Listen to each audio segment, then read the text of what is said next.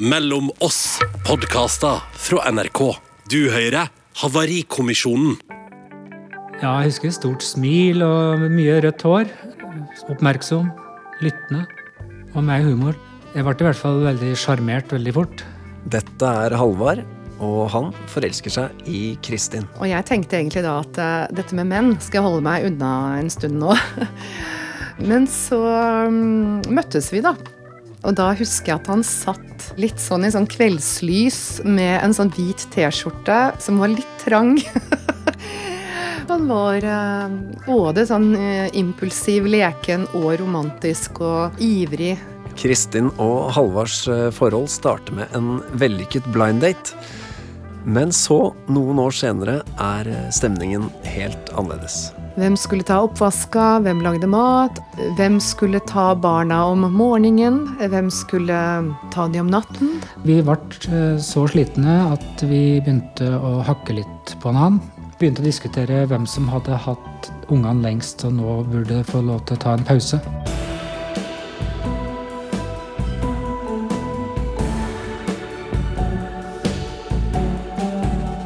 Dette er Havarikommisjonen. Jeg heter Eivind Sæther, og sammen med psykologene Sissel Gran og Dimitri Samoilov skal jeg dykke ned i det som en gang var en lykkelig kjærlighetshistorie, og forsøke å finne ut hvorfor forholdet havarerte. Havarikommisjonen. Og da tenkte jeg aller først, Sissel, kan man lære noe av å høre hvordan andre par har feilet? Jeg tror det er masse å lære. Mer enn av sånne solskinns- og suksesshistorier, egentlig. fordi da blir man bare litt sånn skamfull over hvor dårlig man selv har det. Dimitri, er du klar for litt gransking? Veldig klar. Nydelig. Da dykker vi ned i havariet. Vi skal spole noen år tilbake. Kristin er 32, det er sommer, og hun har vært på sin første date med Halvard. En ting var at han var nysgjerrig på meg og var jo spørrende på meg. og viste liksom en tydelig interesse. Jeg likte det jeg så og hørte, men jeg likte jo òg det at hun så med. Man kan bli forelska bare av det, tror jeg, da. Det er jo sterkt å bli så sett av et annet menneske. Jeg tror jeg var sånn jeg er av person ganske kjapt på. Jeg vet ikke om det gikk en dag eller to, men da var jeg vel på for å høre om vi kunne treffes på nytt. og hun hadde jo ingenting imot det, men jeg tror nok at det ganske fort viste seg at hun var ikke så ivrig som jeg var. Det er jo en ganske morsom historie i starten av forholdet hvor, hvor jeg er på jentetur. jentetur på Nordkoster. og så er jeg jo veldig ny i forholdet med han. og jeg er med to av mine næreste venninner der. Og så ringer jeg til han fra Nordkoster. Og en veldig hyggelig prat. Og, og, så sier jeg til han at det hadde vært så hyggelig om han ikke hadde vært der. Om ikke han hadde kommet. Og jeg tok jo det bokstavelig, selvfølgelig, som den er. Og så satte jeg meg på bussen fra Gausdal og bussen videre til Strømstad. Og satt på båten ut og kom i kontakt med et band som skulle spille på kvelden. Og jeg hadde ikke varsla at jeg kom til Koster i det hele tatt, så jeg avtalte jo med bandet at jeg kunne komme opp og synge en låt. da. Plutselig så står han i denne kafeen, reiser seg opp og begynner å få dette bandet opp og står der og synger. Nei, jeg ble helt fullstendig tatt på senga. Jeg bare Jeg ble jo veldig øm i hjertet, da. Jeg ble jo veldig, veldig rørt. Eh, berørt. Eh, og helt sånn Wow, liksom. Det var jo eh, Jeg var helt satt ut. Ja. Mm.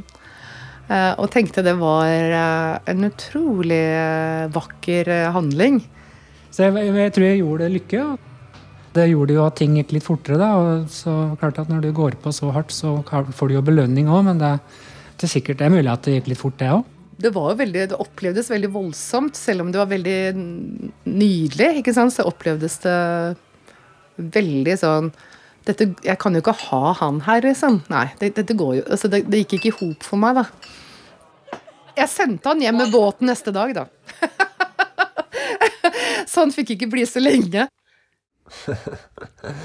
Sissel, hva er det vi egentlig hører her?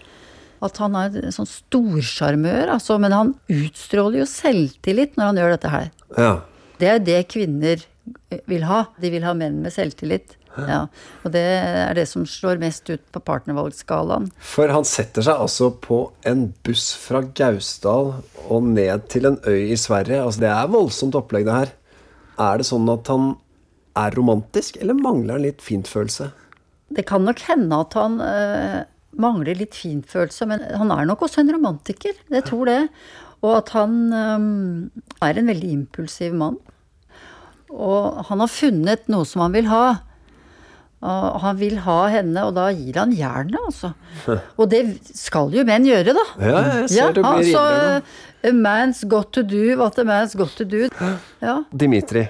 Jeg syns også han, han, er jo, han er jo villig til å ta noen sjanser her. ja. Eh, Det er jo modig gjort, og han har liksom en sånn Da kjører vi. Ja. Det skal jeg gå for. Og, og det er noe av det som hun blir sjarmert av òg. Jeg tenker på en ting her. De snakker begge om det å, å bli sett. Den der nesten berusende følelsen av å bli sett. Hva er det den gjør med oss? Og det er jo kanskje noe av det viktigste øh, for oss mennesker. Gå rett inn i noe som vi alle kanskje ikke har så lett for å innrømme, men som vi lengter etter. Liksom, å bli så betydningsfull og bli så sett og um, kunne se oss selv i en annens øyne. Det er veldig, veldig sterkt. Og utvide vår følelse av hvem vi er. Er det sånn også at det er lett å bli litt forelsket i selve forelskelsen? Absolutt. Folk snakker jo ofte om det, at det føles så godt. Denne spenning i begynnelsen og de intense følelsene som er helt i starten. Noen klarer jo ikke å etablere et forhold, for de blir så betatt av begynnelsen at de har, har bare lyst til å begynne på nytt og på nytt. Ja, ja, ja. Med en ny. Mye ny, selvfølgelig, for at de får liksom ikke akkurat samme Å, fy flate. Ja, men det er jo begynnelsen det virkelig svinger av. Det er iallfall sånn vi vil at det skal være i vår kultur. Ja. I en del andre kulturer så begynner de i andre enden, ikke sant. Mens vi skal begynne med et smell. Og det gjør jo forholdet mellom Kristin og Halvard eh, på den scenen på Koster. Det er, jo, det er jo et ordentlig smell i starten.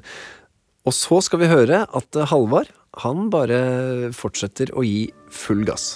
Jeg tror ikke det gikk så mange måneder før jeg fridde. Jeg hadde jo sett for meg, apropos ideer om hvordan et frieri skal være, så hadde jo jeg sett for meg eh, noe som en kjæreste har eh, planlagt i god tid og på et veldig romantisk sted. og sånn. Eh, og han eh, og jeg vi var og spiste på et litt sånn slitent, sånt asiatisk sted i byen. eh, At han fridde der, og at jeg ble helt overveldet. Og tenkte også man kan, man kan, ikke, man kan ikke fri på denne måten. Men jeg tror han bare var veldig sånn han, han ville være sammen med meg og var veldig sånn klar for å ta det videre, da. Mens jeg kjente at dette ble veldig, veldig vanskelig for meg. Um, jeg følte at jeg ble slem hvis jeg skulle si nei til han, da. Hun eh, ba om eh, betenkningstid og fikk lang betenkningstid. Eh, Etter mine begreper lang betenkningstid. Men det var, jeg tror det var relativt kanskje altfor kort. Jeg bare husker at jeg var ekstremt stresset over å skulle avvise han, da. Ja, rett og slett veldig Det ble veldig vanskelig for meg. Um, men jeg sa det til han at jeg ikke visste at jeg trengte tid og sånn. Um, og så uh, Ja, så fortsatte vi å være sammen. Jeg sa vi kom med bare sånn tøys at jeg sa nei, kan ikke du fri da, hvis du vil ha betenkningstid? Kan du fri når du er klar, hvis du blir klar.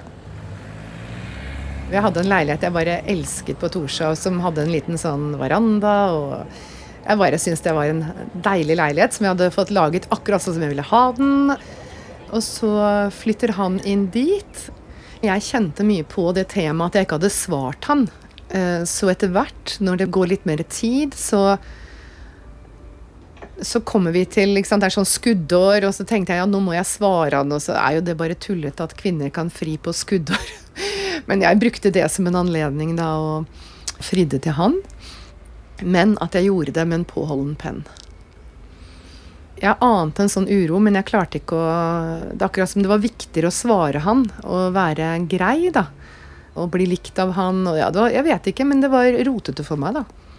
Jeg fatta vel litt at det var noe annet enn at uh, ærlig meint at nå var hun klar. Så jeg, jeg husker ikke, men jeg tror det var under en trivelig middag, romantisk middag. Og jeg sa ja. Og så ble det jo et veldig rørende bryllup på hans hjemsted. Og mye vakkert rundt det. Men jeg kjente jo på tvil også ved inngangen til bryllupet. At denne tvilen drev og ruslet ved siden av hele, hele veien. da.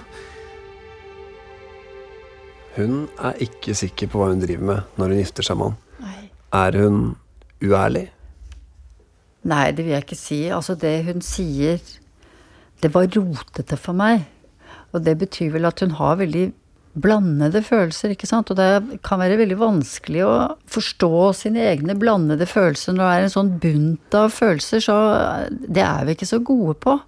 Vi er ikke så gode på å kjenne etter hva er hva, ikke sant. Hun vil og hun vil ikke, hun tror og hun tror ikke.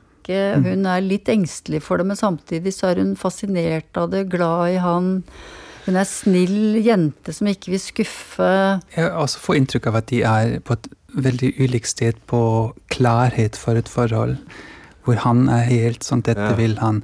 Hun sier at 'jeg har tenkt at jeg skal holde meg litt unna', men jeg har nettopp funnet eh, den perfekte leiligheten hvor jeg finner ut hvordan jeg vil ha det, hvem jeg egentlig er.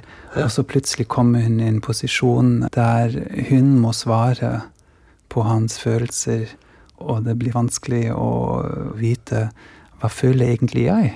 Ja. Hva er det egentlig jeg vil? Og da er det ikke så rart at hun kjenner den tvilen når hun går inn i forholdet. Men klart, det kan jo bli en, en slags uh, snikende gift. Men jeg må snakke litt om denne tvilen. Fordi altså, det å gifte seg, hele ekteskapet, det skal jo være en sånn storslått, uh, ren, fin handling. Sissel, du og jeg, vi har vært uh, gift før. Jeg skal stille deg et spørsmål om igjen, for jeg sa vi to har jo vært gift før. Ja. Ja, nei, ikke du og jeg, nei, Nei, jeg men du det. har vært gift med Jeg en har vært gift med en annen, ja. Og Og det du var tvilte. ingen suksess. Jeg tvilte. Jeg sto der den dagen jeg gifta meg, og tenkte jeg nå eh, skal jeg prøve å ikke tvile. Skjønner du? Altså, jeg prøvde å konse meg på å gå inn helt rent der. Og når det er fokuset, så er det jo ikke all verdens. Sissel, var det noensinne tvil i deg ved noen av de ekteskapene? Tvil, skal jeg love deg. Det er- klinget og klanget av tvil i mitt hode, men uh, tok ikke hensyn til det, nei. Men du, husk på det, at det er veldig mange som tviler, altså. Ja, det regner jeg med. Det er mange som uh, går eh, inn i kirken eller til byfogden uh, tvilende. så det tror jeg er ganske viktig å si, at det betyr ikke at forholdet er dødsdømt. Så det å tvile er vel ikke nødvendigvis da et tegn på at det er galt å gifte seg? Nei, men det er en skummel beslutning å ta. Ekteskapet skal jo også etablere den forpliktelsen, en veldig viktig bærebjelke i et parforhold. Og selvfølgelig, kan, når vi tar et sånt valg, og så offentlig, så velger vi også bort noe. Og det kan skape en del angst, en del uro, og, og avhengig av hva vi har lært tidligere i livet, så kan det føles som om nå går vi i fengsel. Jeg merker jo, jeg syns det er veldig deilig å høre om denne tvilen. At det på en måte er noe det, det hører med i dette rommet. Fordi ideen vår om den store kjærligheten er at det er et skråsikkert opplegg. Det er liksom done deal. Da har du funnet fram. Men dere sier tvil i vei. Ja, du får noe når du forplikter deg overfor et annet menneske, men du må også gi noe fra deg. Og det som er vanskelig for Kristin, kanskje, og som hun kjenner, det er at hun må gi fra seg en frihet og en tid, kanskje, til å tenke mer over hvem er jeg, og hva vil jeg fremover i livet. For hun var egentlig litt ferdig med mennene akkurat da. Og så kommer han feiende inn som en vårvind, ikke sant. Det er en vanskelig posisjon for begge å være i. ikke sant? For han kjenner hennes tvil, og hun er i den posisjonen hvor hun føler et økte press. Selv om han sier 'du får fri når du er klar', du er klar. så er det jo hver gang hun titter på han, så ser hun forventning i blikket hans, og spørsmålet er hun klar nå, er hun klar snart? Så presset forsvinner jo ikke av den grunn. Hvis man er den som tviler, Sissel, hva skal man gjøre? Hva er den lureste veien? Tror det er veldig viktig å si det, hvis du tviler, at du må si jeg, jeg tviler. Jeg, jeg vet ikke riktig jeg, jeg trenger tid, eller Selv vi som er redde for å såre den andre. Ja, altså en ting er at man er redd for å såre den andre, men det er også noe med at du du kan være tvilende til din egen tvil. Du kan tenke at din egen tvil er feil. Og at du er en dust, ikke sant, som ikke sier ja. Og med åpne armer tar imot det gode som den andre vil gi deg. Og så er det noe med årene som går. ikke sant, Får jeg denne sjansen igjen? Er dette liksom den store sjansen som jeg nå er i ferd med å kanskje gi slipp på. Så man kan tvile veldig på sin egen tvil. Åh, Det, det blir himla mye å tenke på. Ja, det gjør det. Vi skal eh, tilbake til paret vårt. De har altså blitt gift, selv om eh, hun var i tvil. Og så blir Kristin gravid. Ja, jeg var jo kjemperedd. Det var jo mitt første barn, eller vårt første barn, sånn at jeg var Skal det gå bra å bli mor? ikke sant? Åssen skal vi bli som foreldre? Jeg hadde jo sett for meg en veldig pen og ordentlig fødsel. Jeg vet ikke om det er ordet, men jeg hadde sett for meg Man ser jo for seg denne første fødselen sin. da. Altfor sånne rosenrøde greier. Eh, Og så ble jo han tatt med tang. De løp ut med han. Både han, eh, sønnen vår og jeg blir syke forbundet med denne fødselen, og det blir en sånn Han havner på barneintensiven, jeg får feber. Og det gikk gjennom natta der, og um, det så ikke pent ut, men jeg var der hele tida. Så det var jo en krevende fødsel, og fantastisk glede når han kom ut. Var jeg redd? Nei, jeg, jeg tror jeg, jeg vet om jeg har da fake it till you make it, ikke sant? men jeg, jeg er ikke redd i slike situasjoner. Jeg er mye mer redd for følelser enn jeg er for sånne fysiske farer. og tror jeg faktisk. Og, og blod og høyder og utmattelse tåler jeg veldig godt, men følelser er skumlere. Der kunne jeg takle hennes følelser ganske bra, mener jeg. Og jeg syns ikke jeg ble satt ut av det som skjedde der, men det var en heftig fødsel.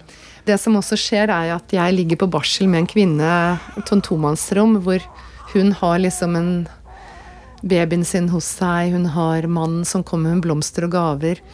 Og så husker jeg at, uh, at eksmannen min kommer inn, ikke sant. Uh, og jeg ligger der og føler meg helt sånn lost og veldig lei meg og sånn, da. Jeg, har jo ikke gutten min hos meg, uh, og så kommer han inn selvfølgelig eller ikke selvfølgelig, men ikke sant? han er ikke helt sånn typen som tenker på sånne gaver og blomster, så han kom inn uten noe, da. Og jeg ble så sår. Jeg ble så sår over at ikke, jeg verken hadde sønnen min der, og ikke hadde jeg en mann som kom med blomster og gaver. Og det var liksom bare Jeg følte meg så alene og så trist, da. Slike gaver og oppmerksomheter og slikt, det, er ikke, liksom, det er ikke naturlig for meg å være veldig flink på det. Og det gjelder da morgengaver, venninnegaver, vennegaver. Som da dette samfunnet her oversvømmes av, ikke sant. Han er veldig lite materialistisk. ikke sant? Det er jo en veldig fin verdi. Men eh, for meg så betydde det mye å bli sett i at, at eh, jeg følte kroppen var helt ristet i, og hele meg var rystet, liksom. Og, og jeg husker han sa jeg tror han ble så lei seg når han skjønte at jeg hadde blitt så lei meg. At han tenkte jo at det var jo vi som hadde født. ikke sant? Vi hadde jo født denne gutten. Og jeg bare Ikke faen, for å si det sånn. Vi hadde jo flere temaer som var skilte oss på sånne verdivalg, og det gjaldt jo bl.a. dette med unger og dåp. Nei, Jeg husker ikke når vi begynte å diskutere det, men det kom opp i forbindelse med Jo, det var faktisk, det kom jo opp før bryllupet, det. Fordi at eh, det ble et kompromiss. Eh, Kompromisset gikk ut på at vi skulle gifte oss i kirka, og så kunne hun akseptere at vi ikke døpte ungene våre når de var små. Og det angra hun på. Det jeg i hvert fall husker, er at, at jeg ville så gjerne gifte meg i kirken. Og at han sa Jeg kan godt være med på å gifte meg i kirken eh, med deg, men da, hvis vi får barn, da vil jeg ikke at vi døper barna våre. Eh, Jeg tenkte at jeg skulle markere hva slags liv jeg ville for ungene mine. At eh, jeg vil ha unger som kan tenke sjøl, og som ikke blir plassert i, eh, hvis- i den grad vi kan. Vi kan jo velge en del ting. Og, men jeg mener at eh, da velger du å stå utafor noe, er liksom greiere da, enn å velge å plassere dem i noe. Eh, når vi får barn, så blir jeg veldig opptatt av å beskytte de barna. Plutselig så tenker jeg at det er jo ikke nok å bli beskyttet av. Plutselig så blir dåp faktisk et tema for meg som jeg ikke eh, hadde forstått dybden av.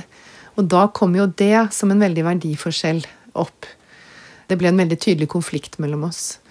eh, som skapte en avstand mellom oss. Og hun fikk alvorlige sånne problemer med at eh, hun følte at de ungene ikke var beskytta av det hun trodde på av Gud. Og jeg tror ikke på den måten. I hvert fall så tror jeg ikke på den typen Gud. Så det var jo faktisk eh, et stort verdispørsmål for oss, hvor jeg tror hun gikk og var ganske fortvila over ganske lang tid. Jeg var veldig veldig lei meg og mer sånn holdt på å si desperat. At jeg kjente at det betydde veldig mye for meg, men, at jeg nok var veldig innstendig. At, at jeg liksom uh, Ja, det var sikkert sint på han. Ja. At jeg kritiserte han sikkert og prøvde liksom å komme gjennom. Ja, det er helt sikkert. Ok, vi skal snakke om uh, tro og verdier, men jeg kjenner at vi må bare begynne med denne fødselen. Fordi, Sissel, hva er det som skjer når barnet er på intensiven, og hun ligger der på sykehuset, og Halvard kommer inn uten blomster eller gaver? Det som skjer her, som jeg tror setter seg i henne, det er det vi kaller et parforholdstraume. Det er ikke bare et fødselstraume, at barnet er tatt med tang, hun blir syk etterpå, de fyker ut av fødestua med barnet, hun føler seg redd mm. underveis, redd på forhånd også. Hvordan kommer jeg til å bli som mor, hvordan kommer vi til å bli som foreldre? Så ikke bare er fødselen traumatisk, smertefull og uhyggelig for henne, hun opplever at han svikter henne i nødens stund. Ah, og... Det gjør det ikke ustraffet. Nei. Fordi hun ligger der i en sånn situasjon hvor du er så redd og så sårbar og så utlevert på et vis, så vekker det veldig sterke behov etter beskyttelse. Hun har så lyst til å finne et eller annet tegn på at hun er i hans tanker. Ja. Han mener jo ikke noe vondt med det, men han nei, nei. feiler. Han feiler. Han er åpenbart ikke noe fan av gaver. Men er det så enkelt at det her skulle han bare hatt med en gave? Jeg tror ikke det handler om den gaven i det hele tatt. Om hun hadde vært helt trygg på dette av andre årsaker, eller fordi at de hadde en form for følelsesmessig kontakt, så hadde det ikke blitt tema gave eller ikke gave. Eller Han forstår ikke underteksten. Nei. Han forstår ikke hvilke grunnleggende sett såre følelser og hvilken frykt hun har opplevd. Men Sissel, hvis vi ser det litt fra hans ståsted, hvordan leser du han i denne situasjonen? Jeg leser litt avmakt. Ja. Han sier at dette er ikke noe redd for, det er ikke noe problem for meg osv., men følelser er vanskelig. Det er klart, I en sånn situasjon er det masse følelser, og det er det som gjør at han rygger. Vi må liksom ikke blame han for det, for han eh, er jo også i en situasjon hvor hun fisker etter noen signaler som er litt vanskelig for henne å forstå hva det hun egentlig er på jakt etter. Mm. De er begge litt hjelpeløse i der. Men han sier noe som er ganske genialt, som jeg tror kan hjelpe oss å liksom forstå hva som har skjedd. For at han sier jeg er ikke så redd for disse praktiske tingene, men jeg er mer redd for følelser. Mm. Ja. Og hvis du er redd for dine egne mer vanskelige, smertefulle følelser, så er det også mye vanskeligere å leve seg inn i hvordan partneren har det. For at du kan ikke leve deg ordentlig inn i det uten å føle på din egen smerte. Og det er ofte noe som blokkerer mellom partnere, da. Og jeg må jo bare her, eh, som eh, mann 39, eh, fortelle at jeg syns gaver er veldig vanskelig. Jeg syns gaver er trøblete. Hvordan skal jeg vite at du akkurat nå er inne i en eller annen følelse som betyr at jeg trenger å gi deg en gave, og da vil alt løse?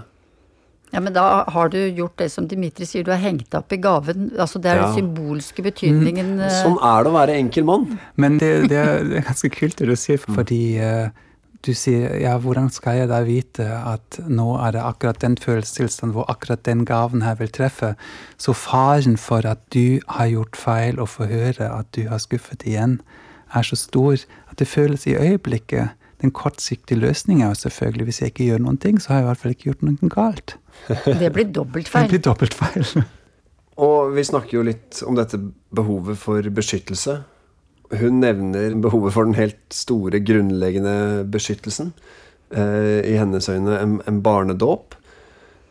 Hvor avgjørende er det å ha de samme helt sånn grunnleggende religiøse Altså disse, alle disse store verdiene i livet? Når de ikke er sikre på hverandre, og de ikke stoler på parforholdet, så blir det mye viktigere at forskjellene ikke er for store. I dette tilfellet snakker hun om at vi må ha en, en større kraft inn her som beskytter barnet vårt. For jeg har vært redd for om vi ikke klarer dette sjøl, hvor man begynner å bli i tvil om partneren kan være en beskytter for meg, så begynner man å tenke å, kanskje ikke han klarer å være en beskytter for barnet heller. Tvilen er sådd litt her. Så er tvilen sådd, og så blir det jo blir det selvfølgelig mye viktigere, denne barndåpen, enn Ja. den hadde vært om eh, hun hadde tenkt jeg har 100% klokketro på han, at hvis det skjer noen ting med meg, så er han der. Ja. Men, men fins det noen sånne si, regler? Er det, noe, er det noe man vet om at det lønner seg å være enige om de store spørsmålene? Må det være i bunn? Altså, vi vet jo at det er en slags grunnmur. Altså at hvis du ikke har det, hvis man er grenseløst uenig om grunnleggende ting i livet, som tro, som kanskje ja, politikk, som eh, eh, økonomi, som barneoppdragelse Men så kommer forelskelsen. Og når du er forelska, så driter du i da veldig mye. tenker du ikke på det, men det, det kommer jo, det vender tilbake, ikke sant? Havarikommisjonen. Ok, eh, Kristin og Halvard får eh, to barn på rappen og beveger seg inn i en sånn intens eh, småbarnsfase hvor de pusser opp og slutter å sove, og alt egentlig går inn i den der tralten. Og da eh, begynner ting virkelig å koke for dem. Vi ble eh, så slitne at vi begynte å hakke litt på annen. Og da begynner det jo allerede å snu litt, da. Det ble eh, tøffere ganske fort. Jeg veit ikke når vi begynte å diskutere hvem som hadde hatt ungene lengst og nå burde få lov til å ta en pause. Men jeg gikk veldig fort i forsvaret og sa at eh, du, nå har du ikke peiling på hva klokka sier. Jeg har hatt dem tre timer, og nå har du sittet der en halvtime med dem. Jeg var ikke nådig, altså. Jeg var hissig og høyreste antagelig. Dette med søvn ble så veldig sentralt for oss begge. Hvem skulle ta barna om morgenen? Hvem skulle ta de om natten? Når kunne vi gi hverandre fri? Hvem skulle ta oppvaska? Hvem lagde mat? Det er jo enkelte ting jeg og hun kanskje aldri blir enige om. Hva som er, hva som er kaldt og hva som er varmt, og hvor fort tida går og slik. For Jeg henviste jo ofte til gradestokken når jeg snakka om om det er kaldt eller varmt. Vi, vi diskuterte jo det òg. Om det var for kaldt for å gå ut, det var kaldt og varmt å være inne og alt mulig. Altså vi, og hvor lang tid vi hadde vært med ungene. Altså til slutt så endte vi med å lage sånne regnskapsgreier. Da hadde han, Det er jo typisk også han at han er veldig god på Excel. da, da Han har laget sånn fint sånn skjema med bilder på toppen og oppgaver da, som vi skulle gjøre, begge to. Og da står det liksom beskrevet helt utførlig. Det var prøvd gjort i en sånn vennlig form. Eh, mine oppgaver, hans oppgaver, men veldig sånn tydelig, da. Jeg fortsatte å irritere meg over ting med henne, hun med meg, og jeg spurte ikke hva hun hadde behov for, og hun spurte ikke meg. Altså Det som skjedde mye, var jo at jeg eh, kunne komme på å kritisere han. Det kunne være ting, måten han eh, Ja, ikke sant. En gang så leverte han sønnen vår i barnehagen med vår datters sparkebukse, sånn at han hadde jo på seg noe klær, eh, ikke sant. Hvor jeg liksom nærmest skammet meg eh, for hvordan han i det offentlige rom leverte våre barn. Nei, jeg husker bare at hun var inderlig og innstendig. Og i mine øyne sytet og klagete. U så ikke uten grunn, men urimelig. Kom ganske snart opp som en følelse i meg. Og jeg husker jo f.eks. at vi flyttet fra det stedet vi bodde etter Torshov, og til der vi bor nå. Jeg husker at uh, min eksmann da hadde, var syk, han sto veldig på i det huset vi hadde solgt, eh, at han opplevde at jeg ikke klarte å se hans innsats. Så hadde jeg lov til å ta med på et teaterstykke, og vi skulle ha en romantisk middag og kjørte over sletta tilbake. Så, så begynte hun å kritisere meg fordi jeg hadde duppa litt underveis i teaterstykket. Jeg hadde ikke sovet natta før og hadde jobba ganske mye Jeg tror faktisk jeg hadde jobba en del med familieting òg, men altså, da hadde vi tre, to kilometer hjem igjen. Og da jeg stoppa i bilen, og så gikk jeg ut av førersetet og bare gikk uten å si et ord. Hva er det som egentlig skjer her? Tilliten mellom dem er borte. Ja. Det er det det handler om. Og så prøver de å eh, løse det på den måten han er god på, da. Så han prøver å stille opp og eh, lage et regnskap og fordele oppgaver, og han bommer. Og måten hun la han vite at han bommer, er uh, ikke veldig tydelig heller. Eh, hun begynner å kritisere han. Man kan få inntrykk av at hun begynner å teste han litt, ser etter signaler. Er han til å stole på? Er han der for meg? Passer han på barna på den, måten jeg vil? Men kan det funke med et sånt uh, regneark for forholdet? Hvis du har et trygt forhold, hvis båndet er trygt, Mm. og du vet hvordan du lager emosjonell kontakt med partneren din, selvfølgelig kan du fordele oppgavene hjemme, sånn at de blir rettferdige, at ingen Men her er det konkurranse, på en måte. Ja, her er selve problemet hvem som har det verst, og hvem som har gjort mest, og hvem som har gjort minst, og Ja, finne ut hvem som er skurken. ja for rausheten er Borte. helt borte. Ja. Hva, hva gjør det med oss? Du ser alt gjennom negative briller. Selv når den andre forsøker å gjøre noe, eller gjør noe som er fint for deg, så ser du ikke det heller. Når et forhold har havnet i den situasjonen som de har. Ikke sant? Så jeg tror det er veldig vanskelig for dem å, å gi hverandre noe anerkjennelse i det Ja. hele tatt. Begge to er eh, i en beskyttelsesposisjon. Begge to er bak eh, et skjold, egentlig hvor de passer på seg sjøl. Det som er vrient, ikke sant, når han går ut av bilen sånn Ja. i, i, i raseri Så han er jo så lei av å bli hakket på. Og når du blir mye hakket på, så begynner du etter hvert å skamme deg uten at du skjønner at du skammer deg. Ikke sant? Fordi, Ja. det, og han, Hva den- skjer da? det- Da avviser du fullstendig den andre. For du vil, skam er den gufneste følelsen vi har, omtrent. Og han er jo ikke noe særlig flink til å ta heisen ned i sitt eget eh, følelsesmessige dyp. Så jeg tror nok at han både skammer seg og føler seg udugelig når hun hakker på han, mens hun hakker jo på han for å prøve å få han til å komme nærmere. Men hvis man sitter der ute og, og kjenner at nå er også jeg i et sånt forhold hvor det mangler raushet, hva er triksene for å hente godhet inn igjen? Jeg tror Det som er fint, det er hvis et par kan da stoppe opp og si nå har ikke vi det noe godt, noen av oss. Nå er vi skikkelig ute å kjøre, du og jeg. Og det vil vi jo ikke. Nå må vi gjøre noe med det. Hva skal man si, da? Hva er de forløsende ordene? Hvis man rolig, med rolig stemme Hvis du kan prøve å ikke si ting på en bebreidende måte, men hvis du kan si nå er det skikkelig synd på deg og meg. Nå har vi det så utrolig vondt begge to at nå må vi sette oss litt her, og så må vi passe litt på hverandre, fordi at nå går det utfor her. Nå er det synd på deg og meg, for Det eksempel. høres ut som et fint sted å starte. Vi eh, skal få høre hvordan det går med Kristin og Halvard videre. Det ble nok en rekke sånne knekkpunkter etter hvert, og min tvil den ble jo ikke borte. Men jeg prøvde jo å finne ut av den. Etter hvert så roet den tvilen seg for meg, da. Eh, Da hadde vi jo gått og gnagd på disse temaene, og jeg hadde gått med den tvilen min så lenge og delt den med han. Og jeg tror for han Jeg, jeg vet ikke, men jeg i hvert fall kjente etter hvert ja, men jeg kan jo kanskje bli her. Jeg tror kanskje det kan gå bra. Jeg tror jeg kan falle til ro i dette forholdet. Da var det egentlig for sent. Vi er på vei hjem fra hytte i Sverige hvor eh, vi krangler i bilen. Og Ungene sitter faktisk i baksetet, men de har sovna, slik jeg husker det. Og eh, vi har en av våre mange diskusjoner den tida, og jeg forteller om hvor frustrert jeg er. Og jeg føler ikke at hun Jeg blir provosert av hennes respons på et eller annet. Veldig provosert.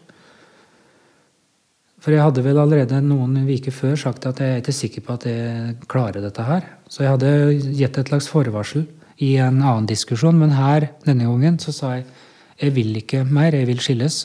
Jeg ble fullstendig overveldet. Jeg tror aldri jeg selv hadde klart å gå fra han, enda jeg på en måte kunne lengte til å gå fra han. Så jeg tror på en måte at jeg aldri hadde klart det selv, da.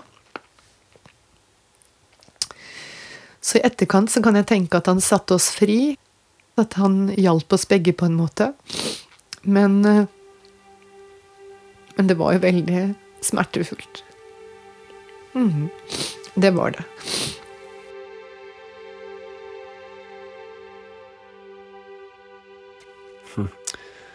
Sånn slutter eh, Kristin og Halvard sin historie. Og vi har jo sittet her nå som en slags kommisjon og studert vrakrestene av dette forholdet. Så er vi jo spente da på å høre konklusjonen. Sissel, hvorfor går dette så galt? De har vært så uheldige. Ja, for det kan man være også. Ja. Det er ikke gitt at De eh, starter litt i utakt, ikke sant, og så Så de har en spennende start, men de har også en litt sånn tvilende, utaktpreget start. Sånn at det, den haltingen er liksom der fra, fra første stund. Det er mange grunner til at ting begynner å rulle på den måten som vi har fått høre om her. At de har et sår som ikke blir reparert. At de har følelser som ikke blir snakket om. At de forsøker å håndtere forholdet sitt via et Excel-ark. Og at de underliggende følelsene ikke blir håndtert. ja. Dimitri, hva tenker du er grunnen til at dette havarerer? Etter hvert går de i et sånt selvforsterkende mønster der hun blir mer kritisk, og han går mer i forsvar. Og jo mer hun kritiserer, desto mer forsvarer han seg. Desto mindre tilgjengelig blir han for henne, desto mer kritiserer hun. Og vi vet når sånne mønstre kommer i gang, så lever de sitt eget liv, og forskning viser at da fører det ofte til at eh, forhold tar slutt. For til slutt så sørger de over det de kunne hatt, og så gir de opp. Så hvorfor blir det så vanskelig? Hvorfor driver vi og kløner til hver eneste gang? Fordi vi skjønner så lite av menneskelige følelser.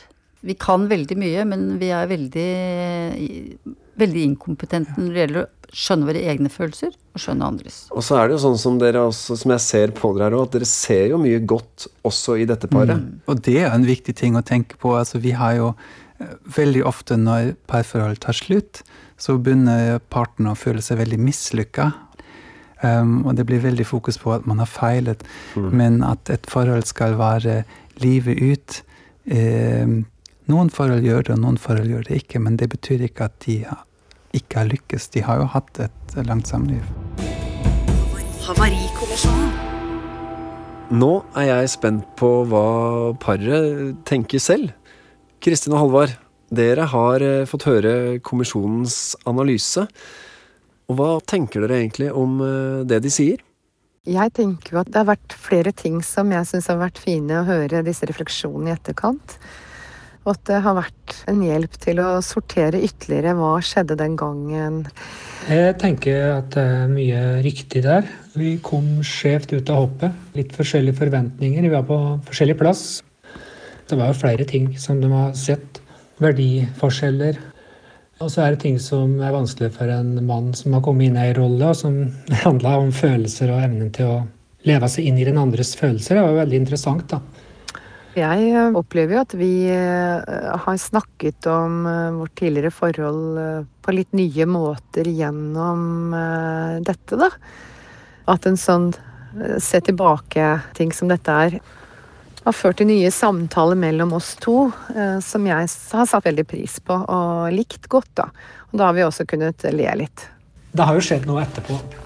Du har rett i det. Vi eh, får på en måte samla oss litt mer om en historie om det som skjedde, som er enda mer ens enn den var. Og det var en fin omdreining. Det er godt å kjenne at en kan se tilbake på historia på samla måte. Omforent, som politikere ville sagt. Hvordan er eh, forholdet deres i dag? Jeg syns jo vi har et veldig bra, litt sånn avslappet eh, forhold i dag. At det har vært en prosess som har gått litt i ulike trinn og faser. Eh, Men nå er det jo gått ganske mange år. Eh, Og for meg så er det en sånn sorg som jeg nok alltid bærer med meg, men som på en måte blir lettere å bære med årene. Og jeg syns jo vi samarbeider utrolig godt rundt barna, men vi kan også ha hyggelige samtaler om vær og vind, holdt jeg på å si, om livet ellers. og ta et glass vin og slappe av, liksom. Eh, gjøre hyggelige ting. Så det, jeg opplever at vi er på et veldig ok sted i dag, som jeg er veldig takknemlig for, rett og slett. Ja, jeg er helt enig. Det var et uh, Jeg brukte vel min gamle metode når det tok slutt, og slapp ikke til så mye følelser den tida der. Men uh, over tid så har det jo vært sorgfullt i, i drypp og perioder. Og så har det blitt bedre og bedre. Uh, jeg syns jo at vi samarbeider bedre enn noensinne. Og det at vi nå kan dele på å bo der ungene bor, det er jo et siste steg som jeg syns er veldig bra. Og tegn på at vi faktisk skal lykkes. Takk til Kristin og Halvard for at de har delt eh, sin historie. Og vil du høre flere pars historier og plukke med deg noen gode råd fra samlivsterapeutene, så har vi flere episoder å by på. Det ble til at jeg liksom bare så ned og ikke holdt blikket hans og ble som en sånn ball og bare ville egentlig bare vekk. Jeg merka at uh, jeg liksom snakket helt for døve ører. Uh, jeg ville forandre henne, og hun ville forandre meg, på en måte.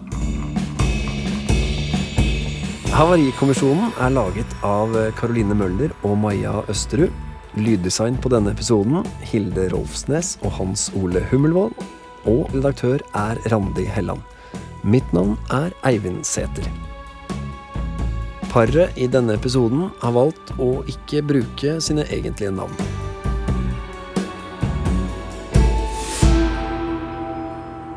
De ga beskjed at de skulle ta livet av meg, og at de hadde laget en grav til meg. Den fargerike kunsthandleren Reidar Osen forteller at han har blitt overfalt og bortført.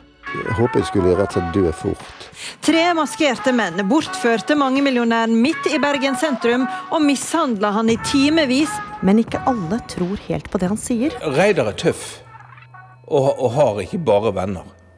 Og så flasher han litt mye penger, kanskje. Hør dokumentaren 'Bortført i Bergen' i podkasten Hele historien og i appen NRK Radio.